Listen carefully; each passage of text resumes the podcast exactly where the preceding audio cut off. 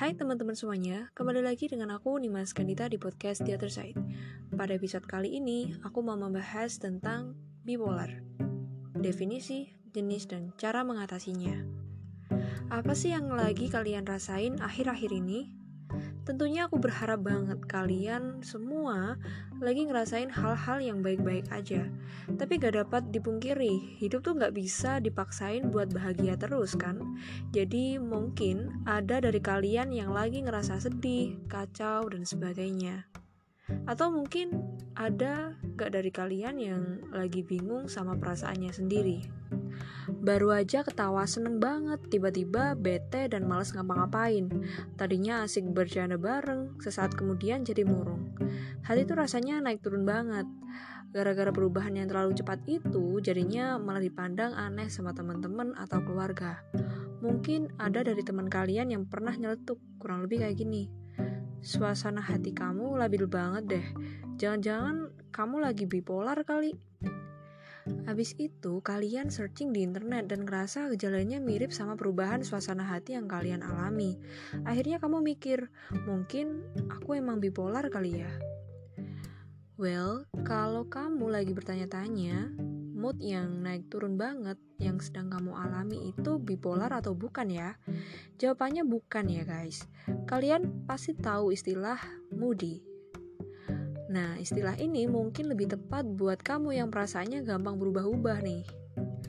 Sebenarnya bipolar itu emang merupakan gangguan mental di mana penderitanya mengalami perubahan moodi yang ekstrim. Tapi ekstrim yang dimaksud di sini bukan berarti gampang berubah-ubah seperti halnya orang yang moody.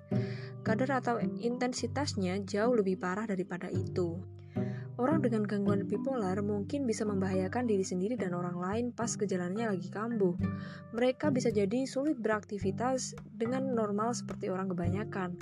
Sulit juga mempertahankan hubungan dengan orang sekitar gara-gara suasana hati yang cenderung udah di luar kontrol si penderita. Nah, melalui aku mau membahas satu persatu tentang bipolar dan tentunya akan lebih detail dan dalam lagi nih. So, untuk teman-teman semuanya, aku sarankan untuk menyimaknya sampai selesai. Nah, kenapa sih seseorang bisa mengalami bipolar? Sayangnya nih, meskipun bipolar bukan gangguan mental yang langka, belum diketahui apa penyebab pastinya, para ahli berpendapat bahwa bipolar mungkin bisa disebabkan oleh faktor genetik, struktur otak, atau lingkungannya. Gangguan bipolar ini emang bisa diturunkan dari orang tua ke anaknya.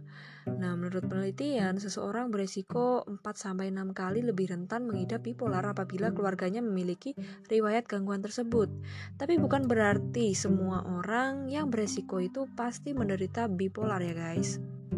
Nah, kita akan membahas tentang mania atau hipomania versus depresi. Orang dengan bipolar mengalami gejala yang disebut episode seperti yang udah aku mention sebelumnya nih, episode dapat berupa mania atau hipomania dan depresi, tergantung tipe bipolar dan penderitanya itu seperti apa. Episode tersebut bisa jadi jarang dialami atau dialami beberapa kali setiap tahunnya. Episode mania nih atau manik bukan hanya sekedar perasaan yang sangat senang, luapan kesenangan yang dirasakan tersebut bisa jadi dapat mengganggu aktivitas harian, bahkan sampai membahayakan diri sendiri atau orang lain. Apa sih yang biasanya orang lakukan kalau lagi seneng? Mungkin main keluar rumah sama teman-teman terus ngobrol dan ketawa bareng. Nah, lain halnya dengan yang mengidap bipolar. Mereka bisa aja ngabisin uang jutaan tanpa mikir panjang, kebut-kebutan atau ngajak orang lain ngobrol non-stop sampai gak tidur semalaman. Ada juga gejala yang disebut episode hipomania.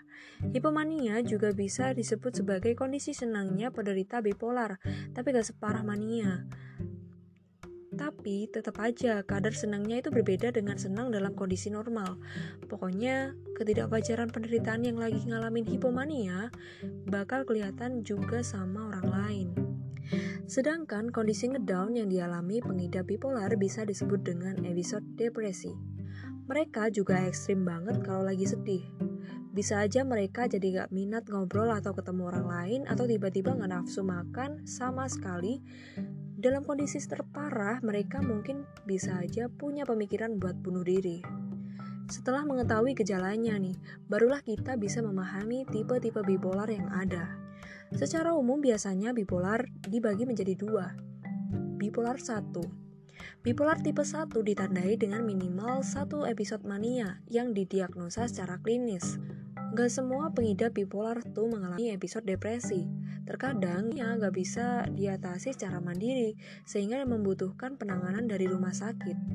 Bipolar 2 Seseorang bisa didiagnosa mengidap bipolar 2 apabila mengalami episode depresi mayor minimal 2 minggu atau satu episode hipomania. Cenderungnya mereka nggak mengalami sampai ke tahap mania. Bayangin aja, kamu yang semula ngerasain bahagia yang amat sangat tiba-tiba merosot jatuh moodnya.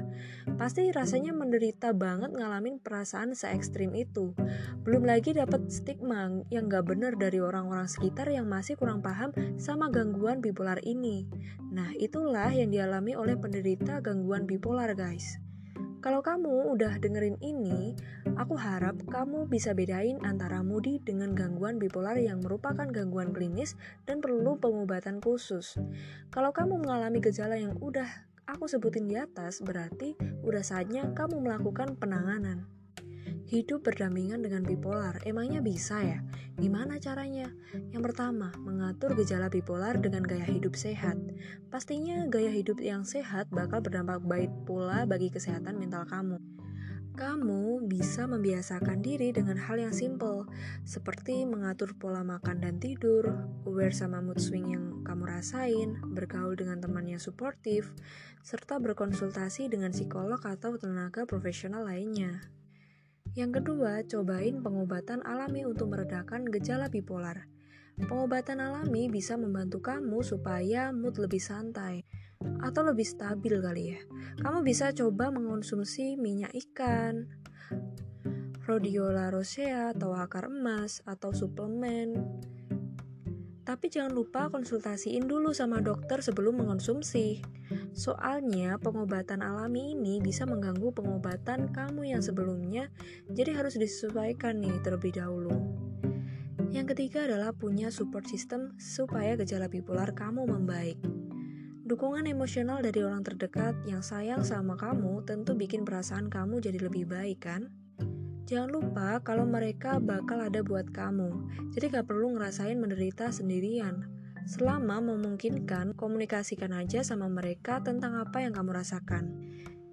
Yang keempat, tentunya konsultasikan gejala bipolar ke tenaga profesional. Kalau kamu emang udah didiagnosa gangguan bipolar, tahap selanjutnya kamu perlu konsultasi secara rutin. Soalnya, kamu perlu penanganan dengan resep obat, terapi, dan metode pengobatan lainnya.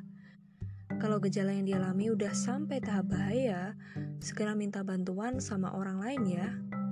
Gangguan bipolar emang gak bisa dianggap remeh guys.